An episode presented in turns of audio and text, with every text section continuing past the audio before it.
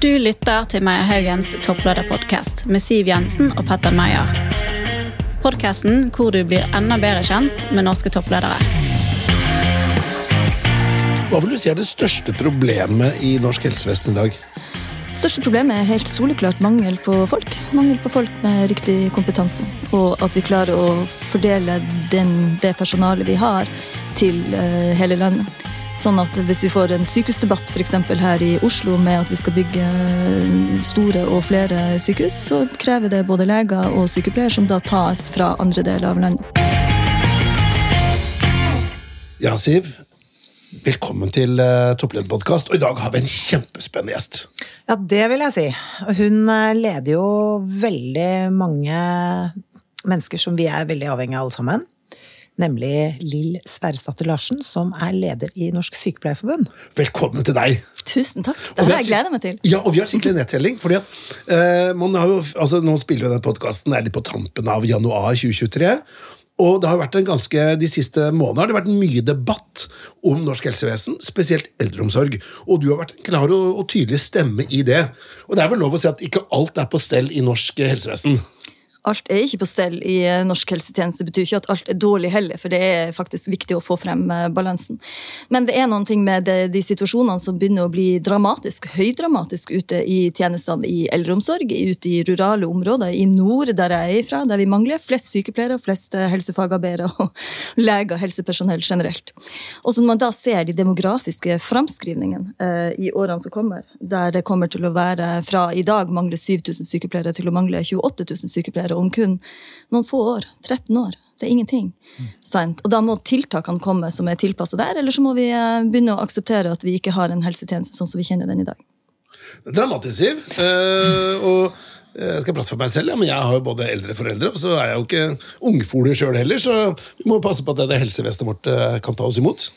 Ja, men derfor er det jo veldig fin gjest vi har, for vi kan stille ganske mange spørsmål om dette. Men eh, jeg skjønner veldig godt at det er grunn til å være urolig nå. Vi ser jo um, at det kommuniseres egentlig at vi kan ikke forvente å få en standard på eldretjenester som vi egentlig tror og forventer at vi vil ha. Og det syns jeg er litt urovekkende. I hvert fall ikke gjennom utelukkende offentlige. Du kan jo tenke seg nå at når du hører disse triste nyhetene fra noen av disse helsehusene i Oslo da, som har vært aktualisert, så er det mange som kanskje tenker har man penger, så kanskje vil man søke til private muligheter. Da. Og det er vel ikke det man primært ønsker i Norge heller?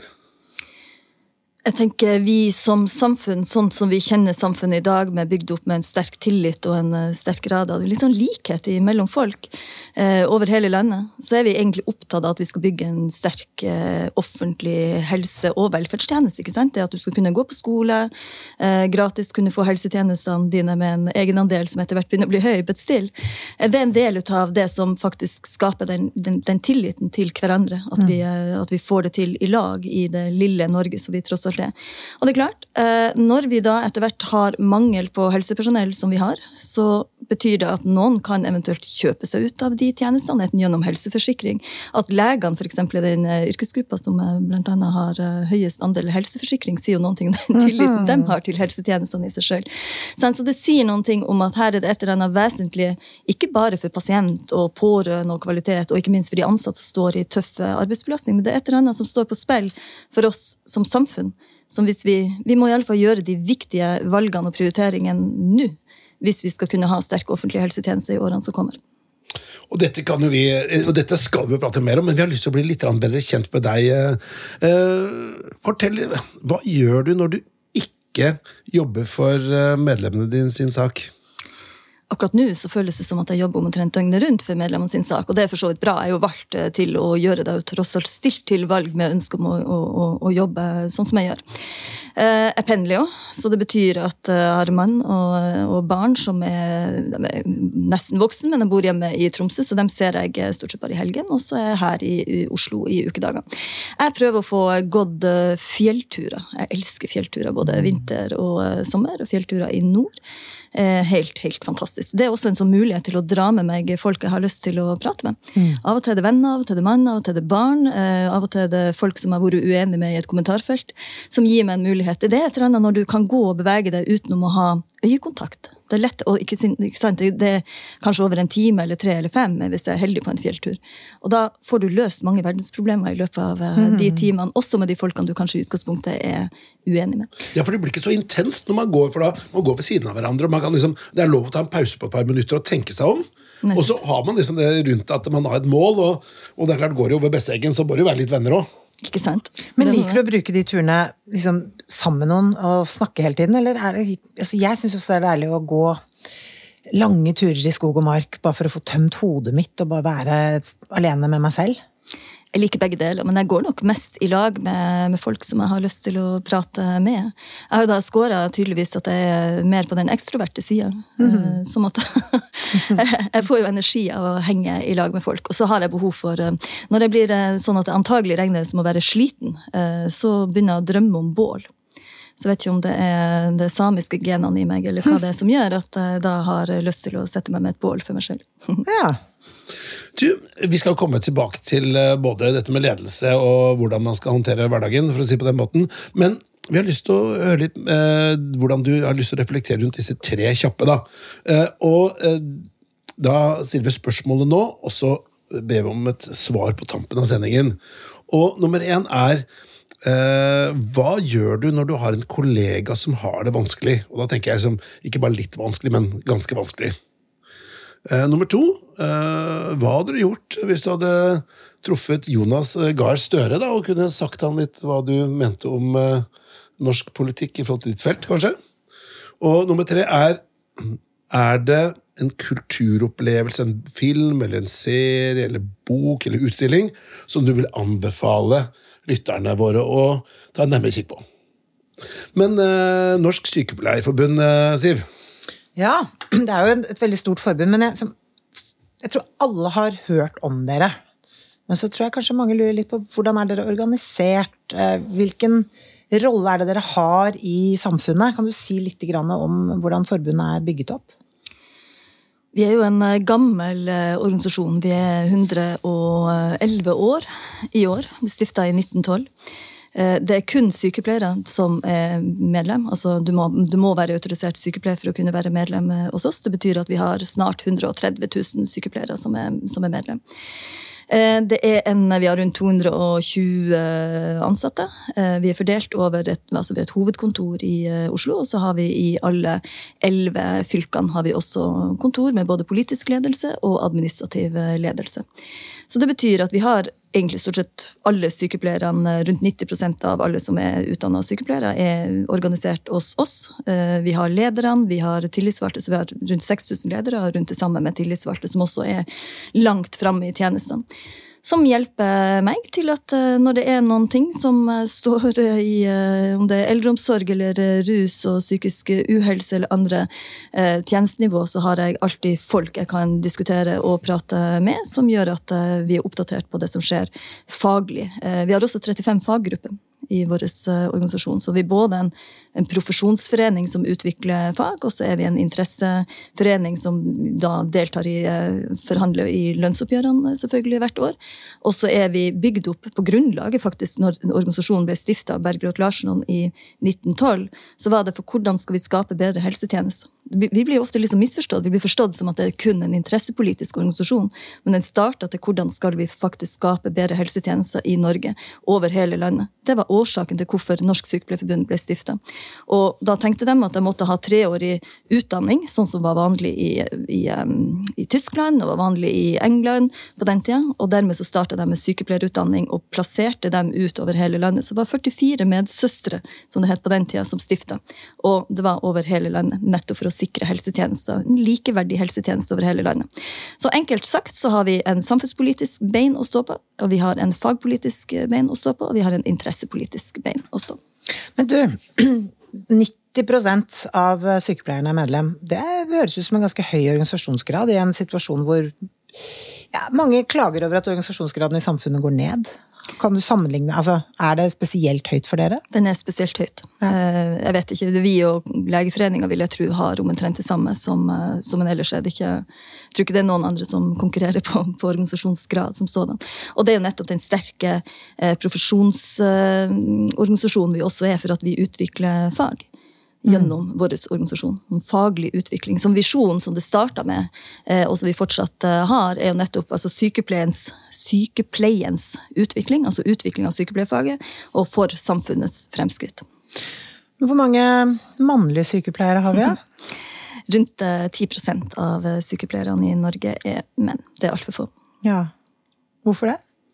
Det har vært et kvinnedominert uh, yrke i alle år. Uh, og så er det blitt gjort ulike forsøk som vi har støtta, f.eks. kjønnspoeng, uh, kvotering inn på studiene. Men det er årsaken som, som ungdommene beskriver når de ikke ønsker å velge sykepleieryrket. Men også de som hopper av sykepleieryrket under utdanning eller i etterkant. Og det er langt flere menn enn kvinner faktisk som gjør alle de tre delene. Så beskriver de at det er pga. lønn. Mm. Ja, og det, det, er jo der vi ofte hører uh, dere i den offentlige debatt, i det minste. Altså, det handler om, mye om lønn. Men du sa uh, at formålet med etableringen av, uh, av Sykepleierforbundet i sin tid, det var å skape en bedre helsetjeneste. Og det er jeg litt mer nysgjerrig på. Liksom, hvordan jobber dere inn mot Særlig nå, da, hvor, hvor det er så mye uro, og det er knallharde prioriteringer. Og nå har jo helseministeren nettopp holdt sin årlige sykehustale med veldig tydelig beskjed til sykehusene om å prioritere mye tøffere. Det er ikke penger. Eh, og da er det jo viktig med dere som liksom har, har skoene på, bokstavelig talt. da. Eh, hva kan vi gjøre i magrere tider for å sikre høy kvalitet, og at ikke det bare er en diskusjon om lønn? Vi kan komme tilbake til det. Jeg tenker at I denne podkasten har jeg egentlig, jeg trenger ikke å diskutere lønn. Vi kommer ikke utenom lønn, at det har betydning for å klare å rekruttere og beholde folk, uansett hva slags yrke du er. Det gjelder selvfølgelig også sykepleiere. Det å utvikle tjenestene vil jo være i en kontekst. og det er klart, Er vi et rikt land, som vi er, så ligger det noen forventninger i befolkninga. Uansett eh, om vi har en helseminister som sier at vi må prioritere eh, annerledes. En prioriteringsdebatt skal man alltid ta, for hvor mye penger er det vi bruker på den ulike delen av helsetjenesten. Det vi gjør, er jo å snakke om ansvar og oppgavedeling. Altså Hva slags oppgaver er det som må gjøres av en sykepleier? Hva kan og bør gjøres av en helsefagarbeider? Hva kan og bør gjøres av eh, personell som ikke har en helsefaglig utdanning, eh, som alt ifra portør til assistent til renhold. ikke sant? Det, per i dag så er det effektivisert sånn i helsetjenestene, at det, og særlig på sykehus, at det er omtrent sykepleierne som skal gjøre alt av arbeidsoppgaver. Mm. mm. Til og med altså på OUS sendte dem ut for å være parkeringsvakter. så Det går ikke an. Kan ikke drive på sånn. Så vi må ha ansvar og oppgavedeling som er tilpassa til det, det, den utdanninga du har. Sånn at når du er pasient, så vet du at du får uh, Har du behov for uh, praktisk bistand, så kan du få hjelp av noen som, uh, som er flink på det. Og har du behov for, for sårstell eller mer helhetlig knytta til demenssykdom, f.eks., så er det en sykepleier som følger deg i kontinuitet. Så vi er eh, tung på den delen. Eh, vi er tung på det med teknologi. Hvordan man utvikler og bruker teknologi i vår tjenester for å endre arbeidsmåter. For vi skal jo ikke tilføre noen ny teknologi, og så skal vi gjøre det på akkurat samme måten. Mm. Den teknologien som blir eh, innført, f.eks. avstandsoppfølging eller uh, medisindispensere, som har vært litt i vinden det òg i det siste, det er jo nettopp noen ting som har endre arbeidsmåter. Og da må vi som fagfolk må være og fortelle, for det kan ikke en politiker gjøre, eller en mm. teknolog nødvendigvis fortelle, hvordan slår det her inn i våre tjenester. Det må vi uh, som fagfolk være langt fremme i skoene og fortelle både hva vi trenger, og hvordan vi kan benytte oss av uh, f.eks. teknologi og innovasjon. Og det blir ledelse, ikke minst. Det handler masse om ledelse og hvordan vi gjør ledelse i de her mm. tjenestene.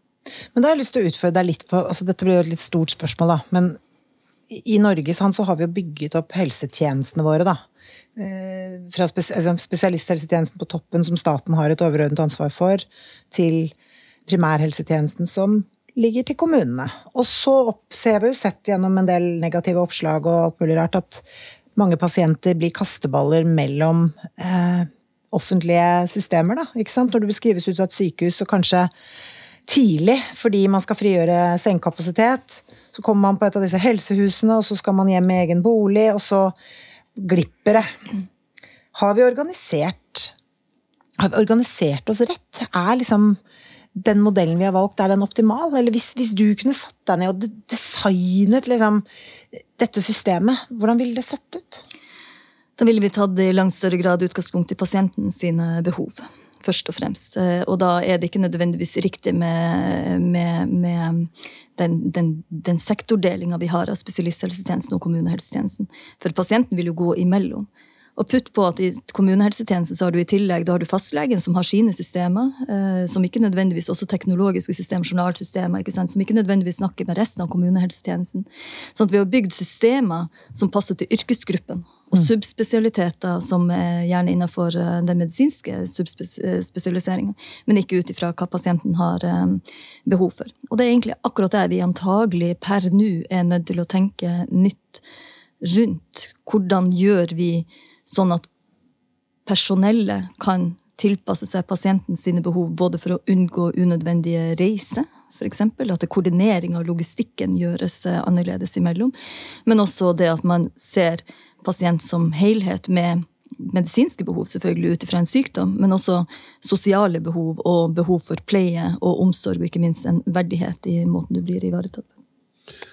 Men det, når du sier at det er pasientens behov, og det, det syns jeg høres fornuftig ut, da, for å si på den måten, men er det ikke litt sånn at det må jo være noen beskrankninger i hvor mye ressurser man skal bruke på en pasient. Så hvis det hele tiden liksom noen, For det er jo, det er jo Pasientenes behov er nærmest utømmelig ikke sant? i forhold til både hvor raskt man skal komme på, på banen, og hvor, uh, i forhold til helsevesen og oppfølging og alt dette der. Hva, hva tenker du rundt liksom, hvor, Når er nok nok, liksom? Det er sånn kjempevanskelige diskusjoner som, eh, som, vi må tørre å ta. Som for eksempel det med mm, for tidlig fødte barn. Hvor mange uker, Når vi samtidig diskuterer en abortspørsmål ikke sant, som er oppe i uke 22, og så skal vi samtidig berge ungene fra uke 23, sant, med store skader som flere av dem har. Det, er en sånn diskusjon, men, men det er, ligger jo i det medisinske, i det å klare å ivareta og berge liv så tidlig som mulig, og så lenge som mulig. Eh, og så har du diskusjonen om hvor skal du kunne bo. Skal du kunne kreve hjemmetjeneste, men samtidig kreve at hjemmesykepleieren må kjøre i tre timer hver dag? ikke sant? Eller må, du, må vi kanskje ha det sånn at på et eller annet tidspunkt, hvis du har de her behovene inn i en alderdom eller eh, pga. sykdom, så bør du flytte nærmere et, et region eller et lokalt senter av noe slag. Altså Det er flere av de her diskusjonene som vi må inn på. Men det, igjen, det er derfor det, de spørsmålene som er knytta til helsetjeneste og prioritering av det, har også betydning for hvor er du kan bo, føde barn, leve gode liv, og ergo da skape arbeidsplasser og inntekt. Sånn at um, Jeg syns uh, Jens Stoltenberg under NHO-konferansen sa det veldig fint. og sa han at uh, krig er altfor viktig for at bare generaler skal uh, liksom holde på med det, og næringslivet er altfor viktig til at bare næringslivstopper skal holde på med det. Men det er det samme med helsetjenesten. Det er altfor viktig til at det bare helseministeren og Sykepleierforbundet for den saks skyld som skal holde på med det. Det er faktisk av betydning for oss som befolkning. For forsvar, for eh, næringsliv, for beredskap, for hvor er det vi skal kunne bo hen i landet. Så prioriteringsdebattene må vi ta, men de må være på et overordna nivå. Vi kan ikke lemne det ned til hver og en lege eller sykepleier eller helsefagarbeider og vurdere er det her nok. Det må være på et sånn overordna veiledningsnivå. Og så må man selvfølgelig gjøre skjønnsmessige vurderinger der vi står i situasjonen. Men politikerne har jo i alle år satt noen grenser både når det gjelder tilgang på nye medisiner som kanskje ikke er prøvd ut nok, og de er dyre. Og, og som pasient så vil du jo selvfølgelig kreve å få eh, all tilgjengelig medisin hvis, hvis, det er et håp om at du kan overleve en, en eh, veldig krevende diagnose. Da. Så, og så har man jo liksom prøvd å skyve det litt bort fra politikerne, men likevel så er jo disse prioriteringsbeslutningene alltid under press. Og det er det jeg mener, at de prioriteringsdebattene må faktisk løftes på et overordna politisk nivå. Istedenfor at sånn som nå, så blir de pusha eh, ned til hver eneste ansatt som står med pasienten foran deg. Og det er helt umulig. Mm. Det er ingen på jobb som sykepleier eller helsefagarbeider som vil gå ifra den dagen eh, hos eh, Lilly eller eh, Per og tenke at nei, i dag har jeg bare mulighet til å gjøre halvveis jobb. Så da blir det en sånn belastning på individnivå som er helt umulig. Vi er nødt til å ta de prioriteringsdebattene på et overordna nivå. og Da kan man også stille spørsmål om det skal være en ressursallokering pga. den demografiske framskrivninga som sier noen ting om det er to ting. Både det at vi blir eldre, og det er en bra ting vi lever lengre. Det betyr også at vi kommer til å ha noen behov knytta til det. Og så er det noe med at vi er et rikt land. Vi kan sammenligne oss med andre rike land eh, i Europa, og dermed har vi noen forventninger som befolkning også til helsetjenester. Og det er vanskelig å gjøre noe med. Men de prioriteringsdebattene må da omhandle ressurser til tjenesten, ressursallokering fra eventuelt andre sektorer, samferdsel, hva det enn måtte være. Og så er det en overordna prioriteringsdebatt Og så må det være en faglig debatt om hva er det vi skal eh, fortsette å behandle, eller eventuelt ikke behandle. Og så ikke minst må det være, det kan ikke være en sånn stikke fingeren opp i lufta og føle etter vind. Det må være med følgeforskning eh, på hva er det som faktisk virker. Vi skal gjøre behandling, pleie, omsorg som har betydning, ikke bare det vi har lyst til å gjøre for at vi skal teste det ut. Og så en viktig, viktig ting, tenker jeg at prioriteringsdebatten er nødt til å omhandle ikke bare det medisinske eller juridiske eller økonomiske, det må omhandle verdighet og omsorg. For det står i lovverket så står det faglig forsvarlig og omsorgsfull hjelp, mens vi gjerne blir målt ut ifra om det er faglig, altså medisinsk faglig forsvarlig. Og det er det vi ser i en del uh, hendelser, at det det skorter på, er jo ikke nødvendigvis bare det medisinsk-faglig forsvarlige, det er omsorgsfull hjelp. Hva vil du si er det største problemet i norsk helsevesen i dag? Største problemet er helt soleklart mangel på folk. Mangel på folk med riktig kompetanse. Og at vi klarer å fordele den, det personalet vi har, til uh, hele landet. Sånn at hvis vi får en sykehusdebatt for her i Oslo med at vi skal bygge store og flere sykehus, så krever det både leger og sykepleiere som da tas fra andre deler av landet, f.eks. Hva er løsningen på denne si, rekrutteringsutfordringen? da? Løsninga er mangefasettert, og det er derfor det blir så innmari vanskelig, og derfor er omtrent ingen eh, politikere har lyst til å touche i det heller, for det er komplekst. Løsninga er, altså Når man står i den krisa, for det er faktisk seriøst en krise per nå, da må man gjøre mange ting samtidig. Lønn er en del ut av det for å klare å rekruttere tilbake. Vi har flere tusen sykepleiere som ikke jobber som sykepleiere, i all hovedsak fordi lønna er for lav ut ifra den belastninga de står i. Øker du lønna, så vil du også få flere av dem tilbake i yrket fra sminkør, fra forsikringsagent, fra legemiddelfirma osv. Så, så lønn kommer du ikke utenom. Men så må vi gjøre noe med ledelse. Eh, I ledelse eh, i dag snakker vi om at vi er på en topplederpodkast. Median for hver eh, våre ledere som er lengst fremme i tjenesten, har 93 ansatte under seg.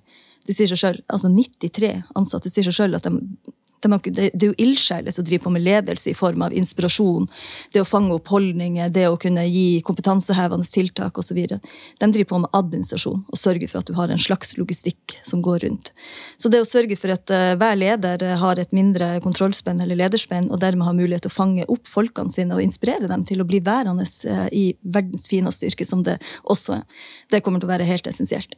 Og så må vi gjøre, ta i bruk uh, enhver form for teknologi som vi som vi allerede har utvikla, altså, vi kan implementere hvis vi bare tar oss råd til det, som vil kunne frigi noe kapasitet, endre noen arbeidsmåter som gjør det enklere for f.eks. helsefagarbeidere å kunne ta noen av de arbeidsoppgavene som sykepleiere gjør, sånn at det ikke blir så sårbart, og ikke minst assistenter og andre.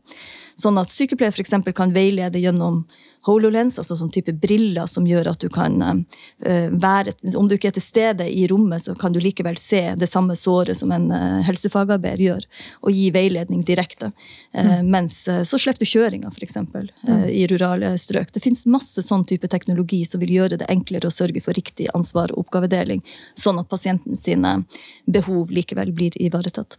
Men du, hva er grunnen til, altså hvert fall, nå vet jeg ikke om det er helt sant, da, men det er i hvert fall Eh, påstått at eh, sykepleiere helst vil til spesialisthelsetjenesten og vegrer seg for å gå inn i eldreomsorgen. Hvorfor det? Flere grunner til det, og alle våre undersøkelser viser, viser jo nettopp det. At nyutdanna sykepleiere vil, eh, vil til spesialisthelsetjenesten. Det er kun to av ti sykepleierstudenter som sier at de har lyst til å jobbe i, i kommunale helse- og omsorgstjenester. Eh, hovedgrunnen til det er at de er veldig alene de blir stående veldig alene eh, med et enormt ansvar i eh, kommunehelsetjenesten. For der har du, du har jo alle pasienter, du har alle diagnoser. Eh, du har lite andre fagfolk, både leger og andre sykepleiere, å forholde deg til som du kan be om hjelp sånn, på daglig basis.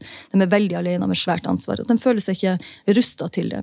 Eh, opp mot på sykehus, der du kan ringe på en stansknapp eh, og få hjelp umiddelbart. Du har eh, kontinuerlige læringspunkter i lag med både dine egne nærmeste kollegaer med i sykepleiertjenesten, men også leger.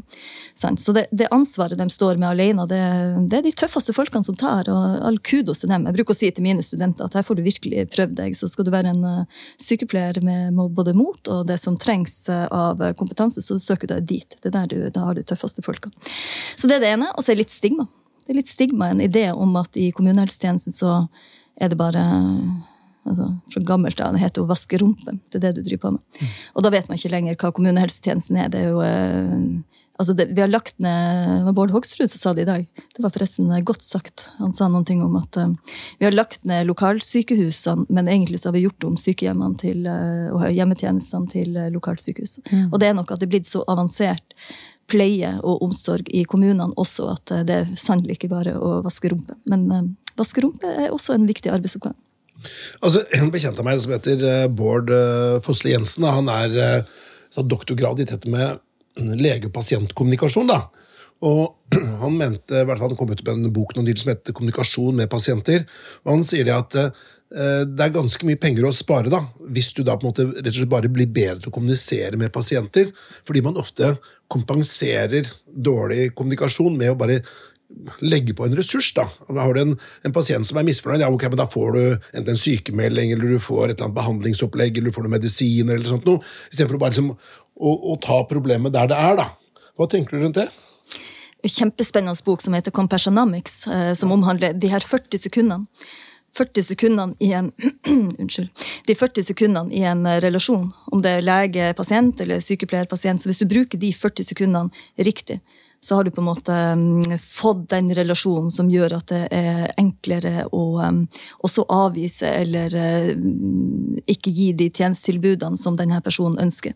For du skal gjøre en faglig skjønna vurdering ut av, uh, ut av det, og ikke ut ifra nødvendigvis det som pasienter alltid ønsker. Men de 40 sekundene så vil du da likevel fra et legekontor f.eks. ha en pasient som kan gå, komme ut derifra og føle seg hørt, sett, anerkjent, men fikk ikke det tjenestetilbudet som, eh, som de nødvendigvis hadde bedt om når de gikk inn. Du, vi skal begynne å snakke litt mer generelt om ledelse, men bare et spørsmål. Bør topplederne i norske sykehus, eller i, altså i, i norsk helsevesen, da, eh, på de ulike nivåene, bør de ha helsefaglig bakgrunn, eller bør de være gode ledere med altså kunnskap om økonomi og ledelse og hva det nå måtte være? Jeg tenker Du må være begge deler. Du må ha ledere i et eh, kollegium, også blant topplederne i eh, helsetjenesten, som har en helsefaglig eh, bakgrunn. Og Det er rett og slett for å forstå den faglige sammensetninga som er nødt til å gå i hele linja, ikke sant? For, å, for, for, for å sikre at man har en, en, en faglig forsvarlighet og en omsorgsfull hjelp i det tilbudet som kommer til, eh, til, eh, til pasientene. Men i det så ligger det jo eh, Det bør være fra mange ulike yrkesgrupper. Og det er klart, Økonomibakgrunnen vil også være viktig, og ikke minst lederkompetanse er særdeles viktig. Men vi så under pandemien at der du har putta ledere som ikke hadde helsefaglig bakgrunn, fikk kjempeproblemer når det da ble snakk om de her helsefaglige eh, tematikkene som, som beredskap og hygiene som var knytta til pandemien. Da var vi inne på et av de spørsmålene du ofte stiller, Petter. Ja, det er ganske interessant, for vi, vi lurer på altså det er et klassisk spørsmål i en toppledelse. Kan du være toppleder for hva som helst, eller må du ha da, måte, den faglige bakgrunnen? Og nå har jo du vært tydelig på at du bør fall ha en, en, faglig bakgrunn i det. da. Men hvis vi da eh, ser på dette her med eh, topplederskap, når skjønte du selv at du kom til å bli toppleder? Jeg hadde jo egentlig ikke noen planer om å stille til valg i, 2019, eh, så det, det, hadde jeg ikke egentlig sett for meg eh, da. Men det ble en sånn Jeg, vet, jeg har alltid hatt en sånn eh, Jeg rekker opp hånda. Jeg er ikke redd for å snakke. Aldri vært. Eh, fra skole og oppover. Så det har blitt gitt og til, tilkommet meg ansvarsoppgaver i alle år. Også her så ble det veldig tydelig for meg at jeg, eh, jeg ville endre. Jeg ville endre retning på Sykepleierforbundet, vår uh, argumentasjon. Og jeg hadde forska i kommunehelsetjenesten. Jeg kom jo fra akademiet. Um, og hadde sett på de demografiske framskridene og de store behovene de hadde. Og da ønska at Sykepleierforbundet skulle ta en mye mer um, rolle i de framskrivne og altså scenarioene på hvordan helsetjenestene i årene fremover skal se ut. Så da stilte jeg til valg sjøl. Ja. hvis vi ser på dette med toppledere, eh, hva slags lederstil eller lederteori eller filosofi er det du hva skal jeg si, sverger til? Du vet, jeg er jo sykepleier, så det er jo ut ifra en sykepleierfilosofi, egentlig, med en eh, sykepleierprosess og en verdibasert ledelse. Så det er en egen form for lederskap å være sykepleier, tenker jeg? Det, det, ja. det, mener jeg faktisk. Ja, si litt om det, det er spennende. for det første er det jo verdibasert. Eh, sånt det vil jo ligge i bunnen. Derfor så tror jeg ikke at jeg ville kunne for lede hva som helst. Eh, det måtte være noen ting som har tro på ut ifra mine verdier, for den retninga som jeg vil ha for, for bedrift eller for, for samfunn. Så verdibasert strukturert ledelse ligger i det. Men i det ligger det også at vi har lært oss det som sykepleiere å håndtere veldig mange ulike folk. Veldig mange ulike tematikker. Og vi har en sånn en, en breddekompetanse på, på, på, på veldig mange ulike ting. Men vi har lært sykepleierprosessen også, som alltid vil være. Så uansett hva jeg gjør så Hva er sykepleierprosessen for oss som ikke er sykepleiere? det, er- det er mange ulike navn på det, men som sykepleier så lærer du, eh, lærer du ikke sant, at du skal eh, observere. Og du skal eh, vurdere tiltak ut ifra den kompetansen du har. Du skal gjøre tiltak, og du skal eh, evaluere de tiltakene, og så gjør du ny, altså den nye observasjonen på det, før du da tilfører nye. Og det gjøres jo i tverrfaglighet i tillegg, sånn at vi er vant til å håndtere og prioritere, ikke minst, og ta eh, både kjappe og av og til ubehagelige beslutninger. Så det er litt sånn evidensbasert at du måte du, du observerer det. Høres jo litt sånn analytisk ut, da. Det er veldig analytisk, Ja. Men noen ganger så må du reagere Kunnskapsbasert. Ja, ikke sant? Men noen ganger så må man reagere liksom litt sånn eh, Hva skal jeg si Skyte litt fra hofta, da. For du, man kan ikke alltid ja, nå setter og observerer eh, alltid. Det går ikke, for det, du må ta en for Det er folk som spør om en beslutning der og da. Og det er jo det skjønnsmessige, det skjønne som det heter innenfor sykepleien. Ja, ja. Men i det så ligger det jo nettopp, du kan ikke ta en skjønnsmessig eh, beslutning uten at du har kompetanse på, eh, på Og feltet. erfaring. Og erfaring, ja. Det ligger jo i kompetansebegrepet. ikke Ja, ja. sant? Så du må ha teoriene dine på plass. Du må vite hvordan de teoriene fungerer i ulike kontekster, og dermed gjøre en analyse, selv om den ikke gjøres kjapt. Og noen ganger må du stole på magefølelsen. Men, men eh, det vil være veldig uheldig både som sykepleier og som leder hvis du tar veldig mange beslutninger uten at du har kompetanse på det du, og erfaring Ja. på det du driver på med. Hvis vi ser på dette her, er jo Meyer Haugen er et rekrutteringsselskap. da Vi er opptatt av rekruttering. Eh, hvordan rekrutterer du hva skal jeg si, ledergruppen rundt deg, og de som du må stole mest på? Jeg har veldig lyst til å ansette alle dem som ligner på meg, og så har jeg jo hørt at det er ikke så lurt. Nei, det er plusser og minuser rundt hvert fall den strategien, da. Men det, men, ja, men det er litt artig, for at det er klart at de folkene som jeg merker er, på en måte får en sånn catch med, og en sånn kjemi med, som, det er jo ofte de som også er like på mange vis. Eh, I personlighetstype. Eh, Og da er det noen ting, Når du setter sammen ei ledergruppe, så har vi vært helt avhengig av å sette sammen ei ledergruppe med ulike personlighet. Så tenk at du, eh, Jeg, jeg scorer høyt på det liksom, eh, det som går på visjoner, strategier, analyser. Og så scorer jeg ikke riktig så høyt på det med du. Kontrollfunksjon er jo ikke noe særlig god på. Så jeg er jo helt avhengig av at jeg har andre som da jobber med det som er med på sånn sant, med å faktisk implementere og gjøre, og ikke minst kontrollere og gi tilbakemelding på, på de nye Så du er en igangsetter? Jeg er en igangsetter. Ja, ja. Men det er- betyr ikke at jeg ikke kan. eh, Nei, men det er jo veldig viktig, må. da. Jeg Det bare har ikke lyst til å velge det. Det er veldig viktig som, som leder at man vet litt om hva man er god på og ikke.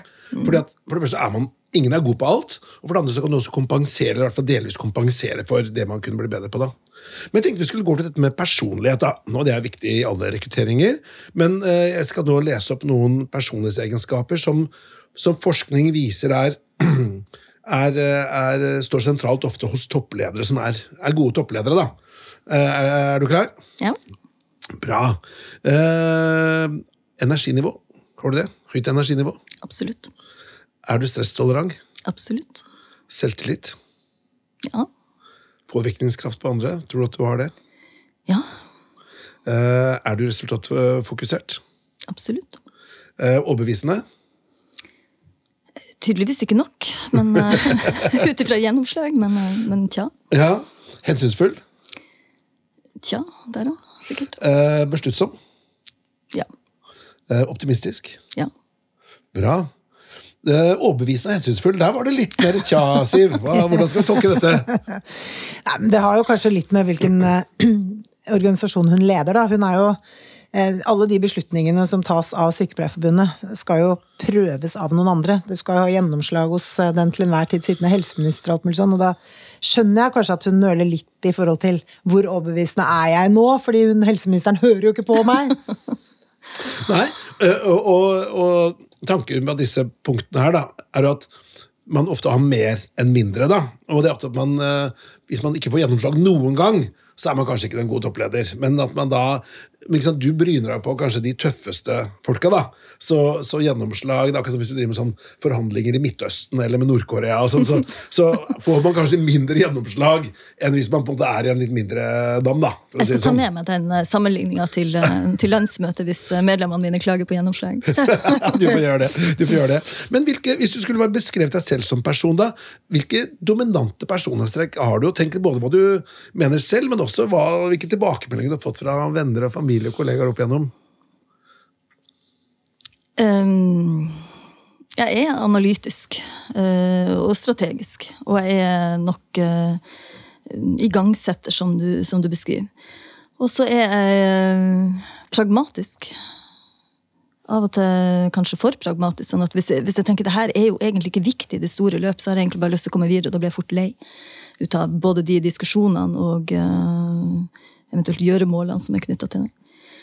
Så det med, med um, Jeg får tilbakemeldinger på å være Jeg kan bli oppfatta som hard, Øh, kynisk, arrogant. Det er jo ikke så veldig trivelig. Men så har jeg tenkt at det handler litt med, litt med utseendet som jeg ikke kommer utenom. Jeg, ligner på min far. Unnskyld, pappa. Men jeg ligner på min far, og han ser også like sur ut når han slapper av. Så litt er sånn utseendemessig i det, og så er det nok litt med at jeg kan bli veldig tydelig.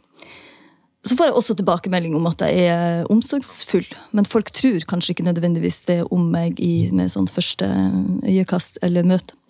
Men um, jeg tar godt vare på folkene rundt meg. Jeg er veldig direkte, og det tenker jeg er en positiv ting. Eh, Det, jeg tror det er noe med nordnorsk òg, men jeg er veldig direkte. Banner du mye, da? Nei, det gjør jeg ikke. Det er myten om nordlendingene. det er myten. Det at du forteller vits, er jo en myte. Ja. Ja, men du, du er jo veldig åpenhjertig nå, da, og det setter vi jo veldig pris på. Men bare det å Det var du lærte, du lærte meg det, Siv, at uh, hvis du har noe sånn eh, feil og mangler, da, for å si det på den måten, så i hvert fall vær litt åpen om det selv, for da blir jo folk litt trygge rundt at Da tenker de ja, du, du ser det i hvert fall sjøl, og da blir det ikke så farlig. Men hvis, hvis, hvis liksom, det er sånn keiserens nye klær, hvis, hvis du aldri ser det selv, så er det jo, da blir jo folk rundt deg litt mer sånn bekymra, da. Um, Så vi er helt avhengig av å få de tilbakemeldingene nå, for at jeg har ikke to strek under svaret. Det tror jeg ikke noen har. Eh, Sånn at vi er helt avhengig av at det er folk rundt oss klarer å stole nok på oss at de kan si fra også hvis vi er på tur og styrter flyet. for å si det ja, sånn. ikke sant? Hvilke personlige egenskaper ville gjort noe med deg hvis du hadde anledning?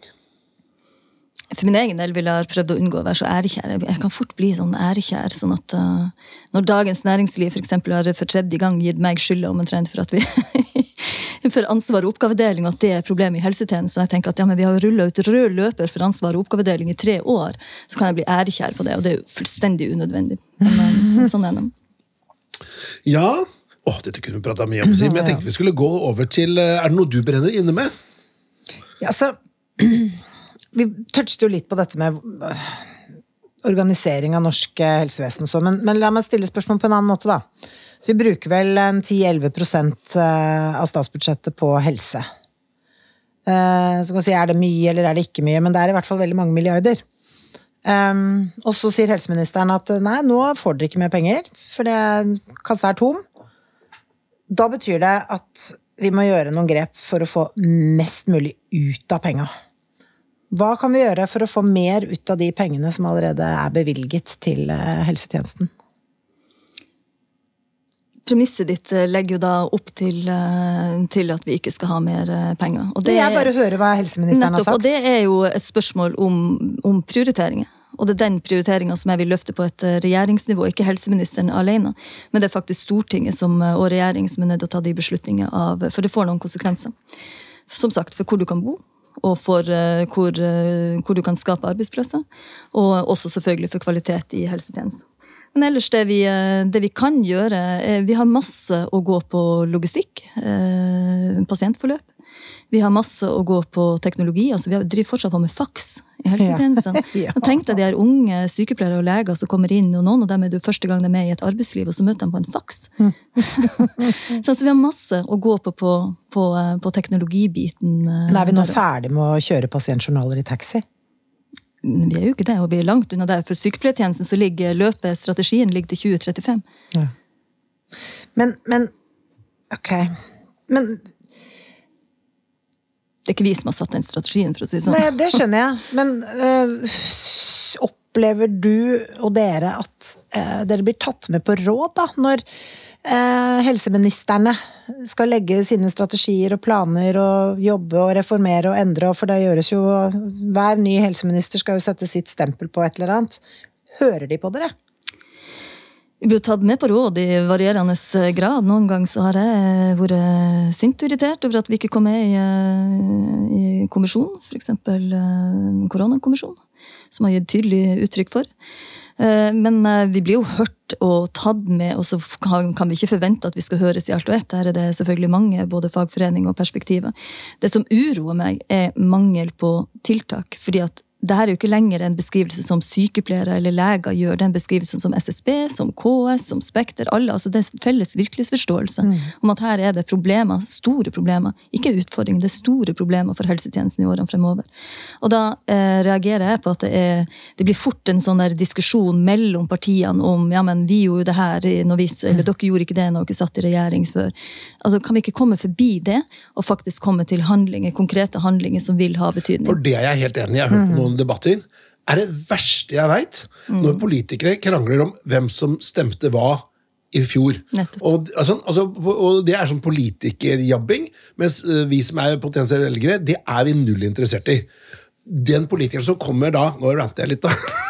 Men den som kommer sånn Dette har vi tenkt å gjøre. altså Livet er som å kjøre bil. Et stort uh, vindu som ser framover, og noen små speil som ser bakover. Men for politikere virker det er som snø som falt i fjor, som er liksom den eneste og da blir det som en sånn ansvarsfraskrivelse, for da trenger du egentlig ikke å gjøre noe med det. Da kan du bare skylde på at andre ikke har gjort det. Og sånn så kan man skylde på, Vi kan skylde på oss sjøl, hele gjengen. Vi har valgt de her eh, politikerne som mer eller mindre har, har fungert godt i alle de her årene. Men det her er jo 30 år tilbake i tid. De her fremskrivende, Vi visste om det for 30 år siden, men det er ikke gjort noen ting med noen av de regjeringene som har vært. sant? Og nå står vi nå der, og da kan vi jo eh, bruke de bakspeilene, men det er lite vits. Vi alle sammen, også som fagforeninger, som profesjonsforeninger, vi er nødt til å bare trø sammen og finne ut ok, hvordan klarer vi å løse det her sånn at vi skal ha et Norge vi er stolt av også når vi kommer til 2030 og 2040. Det er godt vi ikke er politikere. ja. Det var deilig å si. Ja, det er sant. Men du, jeg tenkte vi skulle gå på disse tre kjappe. Og da hadde vi jo da tre spørsmål som vi stilte innledningsvis. Eh, og da var det eh, Nummer én var eh, Hva gjør du hvis du har en kollega som har det vanskelig, og liksom litt sånn ordentlig vanskelig? Hva er dine gode råd da? Jeg kan eh, bli for nær, tenker jeg, for at jeg oppdager det. Uh, ofte så oppdager jeg nettopp når mine kollegaer har det vanskelig, om det er personlig eller, eh, eller på jobb. Og da er det noen ting med at det er det sykepleieren i meg også som har lyst til å gå inn i det. Og som leder så kan jeg ikke gå inn i alle de. Men jeg sørger for at de skal føle seg hørt og sett, og at de alltid skal kunne ringe meg hvis det er noe. Og det gjør jeg til medlemmene mine òg. Derfor så får jeg også som sagt 130 000 medlemmer. Jeg får mange tusen meldinger hver eneste måned fra medlemmene våre som er beskrivelse av stort og smått. Men det er viktig for meg i min jobb, men det er også viktig for at de skal kunne vite at er det fælt, så skal de kunne ringe noen plass. Og da skal de også kunne ringe meg, og så skal jeg sette dem i kontakt med de nivåene som de har eh, behov for, om det er helsetjeneste eller om det er behov for eh, innenfor NSF. Bra. Neste spørsmål får du ta, Siv. Ja Hva hadde du sagt hvis du fikk eh, statsminister Støre på tomannshånd en liten halvtime? Hva ville du sagt til ham? Jeg møter han jo på tomannshånd eh, innimellom, så Så da eh, bruker jeg av og til å eh, altså Som oftest når vi møtes, så er det selvfølgelig knytta til, eh, til helsetjenesten. Det jeg er opptatt av per nå, er beredskap, og distrikt særlig. Hvordan skal man sørge for at vi har levedyktig distrikt i årene som kommer, og ikke minst knytta til forsvar, der vi står med der forsvarssjefen sier at han forbereder til krig. Eh, og der nordområdene er det mest strategisk viktige for, eh, for, han. Og samtidig er det det området som er bygd ned både knytta til infrastruktur og helsetjenestene, som er særdeles vesentlig for at du skal kunne ha et forsvar som fungerer. Så distrikt, eh, distriktsløft som, som gir oss mulighet til å forsvare ikke bare Nord-Norge, men å forsvare landet, er en av de siste tingene som jeg har snakka med Jonas om. Hmm. Spennende. Ja. Forberede landet på krig. Det er liksom litt dramatisk. for det det hadde vi nesten håpa at vi unngikk, men uh... vi var der under Arendalsuka i fjor, og så hadde vi et, eh, et eh, arrangement da, som der forsvarssjefen Erik Kristoffersen var til stede. Og så innleda jo vi da på at ja, vi forbereder til krise, og så sier han han forbereder ikke lenger til krise, han forbereder for, til krig. Og det er jo en dramatisk setting i Europa sånn som det. Definitivt. Det er en stund siden vi så de mørke skyene vi ser nå, ja. Ja, det er dramatisk. Virkelig. Men eh, da er det også viktig å ha et annet bein å stå på, og det er kunst og kultur. Og siste spørsmål er litt mer sånn av lødig natur, da. Er det noe kulturell eh, hva skal jeg si, En film eller en bok eller et teaterstykke eller utstilling som du tenker åh, det var flott, det ønsker jeg at andre også skal få med seg?